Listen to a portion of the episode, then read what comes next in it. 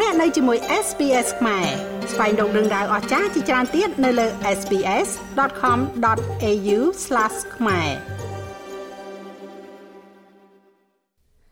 ការកាត់បន្ថយថ្លៃចំណាយរស់នៅសម្រាប់ប្រជាជននៅក្នុងប្រទេសអូស្ត្រាលី គឺជាការផ្ដោតសំខាន់នៃកញ្ចប់ថវិកាសហព័ន្ធឆ្នាំ2023 លោក Heranyck Jim Chambers បានសន្យានៅអ្វីដែលហាក់ដូចជាមិនអាចទៅរួច នោះគឺបន្ធូរបន្ថយសម្ពាធលើកញ្ចប់ថវិកាគ្រួសារប៉ុន្តែក្នុងពេលតែមួយនឹងបង្ខំឲ្យអត្រាអតិផរណាធ្លាក់ចុះជារឿយៗហេរ៉ាញឹកសហព័ន្ធតែងតែប្រកោកប្រកាសនៅរូបភាពដ៏ធំមួយដើម្បីជួយឲ្យពួកគេលក់នៅការពិតដែលពិបាកទទួលយកបាន។ ប៉ុន្តែចក្ខុវិស័យរយៈពេលវែងរបស់លោក Heranyck Jim Chambers គឺធំជាង Heranyck ភាគច្រើននៅពេលដែលលោកផ្ដល់កញ្ចប់ថវិកាសម្រាប់ឆ្នាំនេះលោកមានប្រសាសន៍ថាវានឹងជួយឲ្យមនុស្សគ្រប់គ្នាឈានទៅពេលអនាគត The budget we present to the Australian people tonight កញ្ចប់ថវិកាដែលយើងបង្ហាញជូនដល់ប្រជាជនអូស្ត្រាលីនៅយប់នេះផ្ដល់នូវការសង្គ្រោះថ្លៃចំណាយនៅការរស់នៅ ដែលមានទំនួលខុសត្រូវនិងតម្លៃសមរម្យហើយផ្ដល់អតិភិបដល់អ្នកដែលត្រូវការចាំបាច់បំផុតវាផ្ដល់នូវការវិនិយោគជាប្រវត្តិសាស្ត្រនៅក្នុង Medicare និងសេដ្ឋកិច្ចក្នុងការថែទាំសុខភាព ដែលធ្វើឲ្យវាកាន់តែងាយស្រួលនិងថោកសម្រាប់ប្រជាជនអូស្ត្រាលីក្នុងការទៅជួបវិជ្ជបណ្ឌិតរបស់ពួកគេ វាពង្រីកឱកាសដោយការបំបែកនៅឧបសគ្គនៃគុណវិបត្តិនានានិងការមិនរាប់បញ្ចូល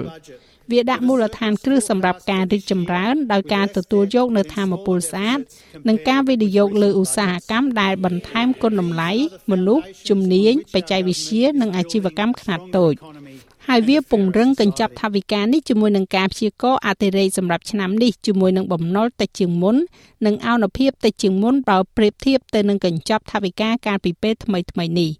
ទាំងនេះគឺជាមូលដ្ឋានគ្រឹះដែលរដ្ឋាភិបាលរបស់យើងកំពុងកសាងសេដ្ឋកិច្ចឲ្យកាន់តែរឹងមាំនិងសង្គមដែលកាន់តែយុត្តិធម៌ លោកបណ្ឌិត Chambers កំពុងតែផ្ដល់នូវកញ្ចប់វិធានការចំនួន14,600លានដុល្លារដើម្បីជួយប្រជាជនក្នុងប្រទេសអូស្ត្រាលីឲ្យយកឈ្នះលើការលំបាកដែលពួកគេកំពុងតែជួបប្រទះដោយសារតែការកើនឡើងនៅថ្លៃចំណាយរស់នៅលោកមានប្រសាសន៍ថាទាំងនេះនឹងផ្ដល់ជំនួយលើវិក័យប័ត្រធម្មពលអគិសនី ការបង្កើនប្រាក់ឈ្នួល ការជួយគ្រប់គ្រងដល់ជនងាយរងគ្រោះ បង្កើតលំនៅឋានដែលមានតម្លៃសមរម្យនិងកាត់បន្ថយថ្លៃសេវាសុខភាពដែលត្រូវចាយពីក្នុងហោប៉ៅផ្ទាល់ខ្លួនលោកបានកំណត់ថាការពង្រឹង Medicare គឺជាផ្នែកសំខាន់នៃរឿងនេះ But right now too many are finding it more and more difficult to see a doctor ឥឡូវមនុស្សជាច្រើនកំពុងតែមានការពិបាកនៅក្នុងការទៅជួបវិជ្ជបណ្ឌិតថ្លៃចំណាយខ្ពស់ពេកពេលវេលារងចាំយូរពេកហើយការពិគ្រោះយោបល់ច្រើនតែខ្លីពេកក្រុមគ្រួសារត្រូវបានបង្ខំឲ្យបាត់បង់ហើយនឹងបាត់បង់ជំរើសរវាងការទទួលបានជំនួយដែលពួកគេត្រូវការឬក៏វិក័យប័ត្រផ្សេងទៀតរបស់ពួកគេ រឿងនេះបានលួចប្លន់សន្តិភាពផ្លូវចិត្តរបស់ឪពុកម្ដាយហើយវាធ្វើឲ្យក្រុមគ្រួសារស្ថិតនៅក្រោមភាពតានតឹងវាមានន័យថាបញ្ហាកាន់តែច្រើនមិនត្រូវបានធ្វើរោគវិនិច្ឆ័យឬក៏មិនត្រូវបានព្យាបាលហើយវាមានន័យថាកម្លាំងការងាររបស់យើងមិនមានសុខភាពល្អឬក៏ផលិតភាពដូចដែលវាអាចមាននោះទេហើយយើងចង់ផ្លាស់ប្ដូរវា លោកហេរ៉ាញឹកកំពុងតែផ្ដល់នូវមូលនិធិសម្រាប់ clinic ថែទាំបន្ទាន់និងការផ្លាស់ប្ដូរដើម្បីធ្វើឲ្យវាកាន់តែងាយស្រួលនៅក្នុងការទៅទទួលថ្នាំបង្ការនៅតាម GP ប៉ុន្តែធាតុផ្សំសំខាន់នោះគឺការកើនឡើងយ៉ាងខ្លាំងចំពោះការលើកទឹកចិត្តដែលជំរុញឲ្យ GP មិនគិតថ្លៃបន្ថែមពីអ្នកជំងឺឬយើងហៅថា bulk bill ជាមួយនឹងការបង្កើនថវិកាចំនួន3500លានដុល្លារ ដែលនឹងជួយ GP ផ្ដល់ការប្រឹក្សាដោយឥតគិតថ្លៃដល់ប្រជាជនអូស្ត្រាលីដែលមានសិទ្ធិប្រមាណជា11លាន6សែននាក់លោកនិយាយថាវានឹងជួយដកសម្ពាធចេញពីមន្ទីរពេទ្យរដ្ឋនិងនាយកដ្ឋានសង្គ្រោះបន្ទាន់ដែលនៅតែមានអារម្មណ៍តានតឹងពីโรគរាតត្បាតដែលកើតឡើងម្ដងក្នុងពេលមួយសតវត្សរ៍នេះវិស័យការពារជាតិគឺជាផ្នែកសំខាន់មួយទៀតសម្រាប់រដ្ឋាភិបាល ដែលលោកហេរ៉ាញឹកនិយាយថាការវិនិយោគក្នុងឧស្សាហកម្មយុទ្ធសាស្ត្រក៏នឹងបង្កើតឱកាសថ្មីៗនៅទូទាំងសេដ្ឋកិច្ចផងដែរក៏ដូចជាការវិនិយោគលើវិស័យការពារជាតិនិងសន្តិសុខជាតិរដ្ឋាភិបាលនិយាយថាកិច្ចព្រមព្រៀង AUKUS នឹងគ្រប់គ្រងដោយផ្ទាល់នៅការងារចំនួន20,000ការងារក្នុងរយៈពេល30ឆ្នាំខាងមុខនៅក្នុងការផលិតកម្រិតខ្ពស់និងពង្រីកនិងស៊ីជម្រៅមូលដ្ឋានឧស្សាហកម្មរបស់ប្រទេសអូស្ត្រាលី ហើយការប្រែប្រួលអាកាសធាតុក៏ទទួលបាននូវការចាប់អារម្មណ៍ខ្លះដែរ។លោកបណ្ឌិត Chambers មានប្រសាសន៍ថាកញ្ចប់ថវិកានេះត្រូវបានគ្រប់គ្រងដោយផែនការធ្វើទំនើបកម្មសេដ្ឋកិច្ចដោយធ្វើឲ្យប្រទេសអូស្ត្រាលីក្លាយជាមហាអំណាចធម្មពលកកើតឡើងវិញដោយការវិនិយោគទៅលើធនធានមនុស្សនិងជំនាញរបស់ពួកគេ និងការគ្រប់គ្រងអាជីវកម្មខ្នាតតូចឲ្យមានការច្នៃប្រឌិតនិងរីកចម្រើន The government is making the biggest ever investment in Australia's energy រដ្ឋាភិបាលកំពុងបង្កើតការវិនិយោគដ៏ធំបំផុតនេះដែលមិនធ្លាប់មាននៅក្នុងការផ្លាស់ប្តូរធម្មពលរបស់ប្រទេសអូស្ត្រាលីថវិកានេះបែងចែក4000លានដុល្លារដើម្បីសម្រេចអនាគតរបស់យើងក្នុងនាមជាមហាអំណាចធម្មពលកកើតឡើងវិញដែលនាំឲ្យការវិនិយោគសរុបរបស់រដ្ឋាភិបាលកើនឡើងដល់ទៅជាង40,000លានដុល្លារ នេះរួមបញ្ចូលទាំងផ្នែកមួយនៃ15,000លានដុល្លាររបស់យើងផងដែរមូលនិធិកសាងជាតិនឹងគ្រប់គ្រងដល់ការអភិវឌ្ឍឧស្សាហកម្មបៃតង ការផលិតនិងច្រើនទៀតនិងគម្រោងវិនិយោគសមត្ថភាពថ្មីដែលនឹងដោះសោការវិនិយោគជាង10,000លានដុល្លារនៅក្នុងគម្រោងធម្មពលកកើតឡើងវិញនៅតំបន់ផ្នែកខាងលើនិងខាងក្រោមឆ្នេរសមុទ្រភាគខាងកើតរបស់យើង ការវិនិយោគជាយុទ្ធសាស្ត្រទាំងនេះនឹងដំណើរការក្នុងភាពជាដៃគូ ធម្មពលក៏កើតឡើងវិញដ៏មានតម្លៃសមរម្យផ្ដល់ធម្មពលដល់ការងារថ្មីនិងឧស្សាហកម្មថ្មីនៅក្នុងតំបន់ជនបទនិងតំបន់ជាយក្រុងរបស់យើងសារដ៏សំខាន់មួយរបស់លោកបណ្ឌិត Chambers គឺអំពីអ្វីដែលលោកហៅថាជាសារៈសំខាន់នៃការធ្វើឲ្យគោលជំហរកញ្ចប់ថវិកាសហព័ន្ធនេះកាន់តែរឹងមាំ។ លោកនិយាយថាកញ្ចប់ថវិកានេះផ្ដល់មកវិញ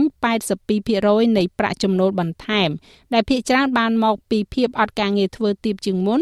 ការងាររឹងមាំជាងមុននិងកំណើនប្រាក់ឈ្នួលនិងថ្លៃខ្ពស់ជាងមុនសម្រាប់ការនាំចេញសំខាន់សំខាន់។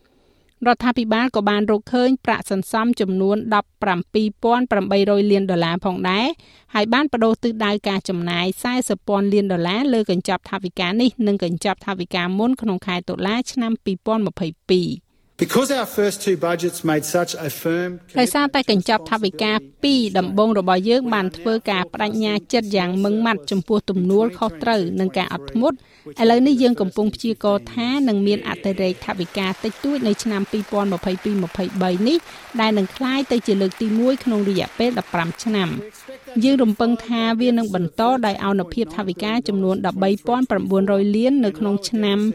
2023-24និងអនុភាពទាបជាងនេះនៅទូទាំងឆ្នាំខាងមុខបើប្រៀបធៀបទៅនឹងកញ្ចប់ថវិកាថ្មីៗកន្លងមកដែលនាំទៅដល់ការកែលម្អ125,000 900លានដុល្លារនៅក្នុងរយៈពេល5ឆ្នាំ និងបន្ទុកបំណុលសាធារណៈទាបជាងយ៉ាងច្រើន គណៈពេលដែលលោកហេរ៉ាញឹកនិយាយថាអតិរេកកញ្ចប់ថវិកានេះគឺជាដំណឹងល្អលោកក៏បានលើកឡើងពីបញ្ហាប្រឈមរចនាសម្ព័ន្ធនៅខាងមុខផងដែរវិស័យការពារសុខភាពការថែទាំមនុស្សចាស់ NDIS និងការទូទាត់ការប្រាក់លើបំណុល។ លោកនិយាយថារដ្ឋាភិបាលសហព័ន្ធមិនអាចទទួលបានសេវាទាំងអស់ដោយឈរលើមូលដ្ឋានប្រកបដោយនិរន្តរភាពជាងនេះតែម្នាក់ឯងនោះទេដូច្នេះលោកនាយករដ្ឋមន្ត្រី Anthony Albanese កំពុងតែប្រមូលផ្ដុំរដ្ឋនិងដែនដីឲ្យយល់ព្រមលើវិធីសាស្ត្រសហប្រតិបត្តិការថ្មីមួយ ដើម្បីធានាឲ្យបាននៅអនាគតនៃសេវាកម្មនិងកម្មវិធីសំខាន់ៗទាំងនេះ The belief in opportunity fairly shared has underpinned our ជំនឿលើឱកាសដែលចែករំលែកដោយស្មើភាពបានគូបញ្ជាក់សមិទ្ធផលដ៏អស្ចារ្យបំផុតរបស់យើងរាប់ចាប់តាំងពី Medicare រហូតដល់ប្រាក់សោធននិវត្តន៍ស្មារតីដូចគ្នានេះគ្រប់គ្រងការទទួលស្គាល់រដ្ឋធម្មនុញ្ញតាមរយៈសម្លេងវាជំរុញរដ្ឋាភិបាលរបស់យើងហើយវាកែលម្អកញ្ចប់ថវិកានេះការបដិញ្ញាចិត្តក្នុងការដោះស្រាយបញ្ហាប្រឈមធំៗនិងចាប់យកឱកាសធំៗទាំងនេះ។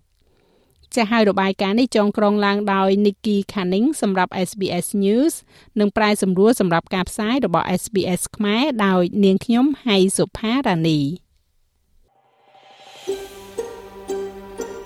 ចង់ស្ដាប់រឿងក្រៅបែបនេះបន្ថែមទៀតទេ ស្ដាប់នៅលើ Apple Podcast Google Podcast Spotify ឬកម្មវិធីដទៃទៀតដែលលោកអ្នកមាន។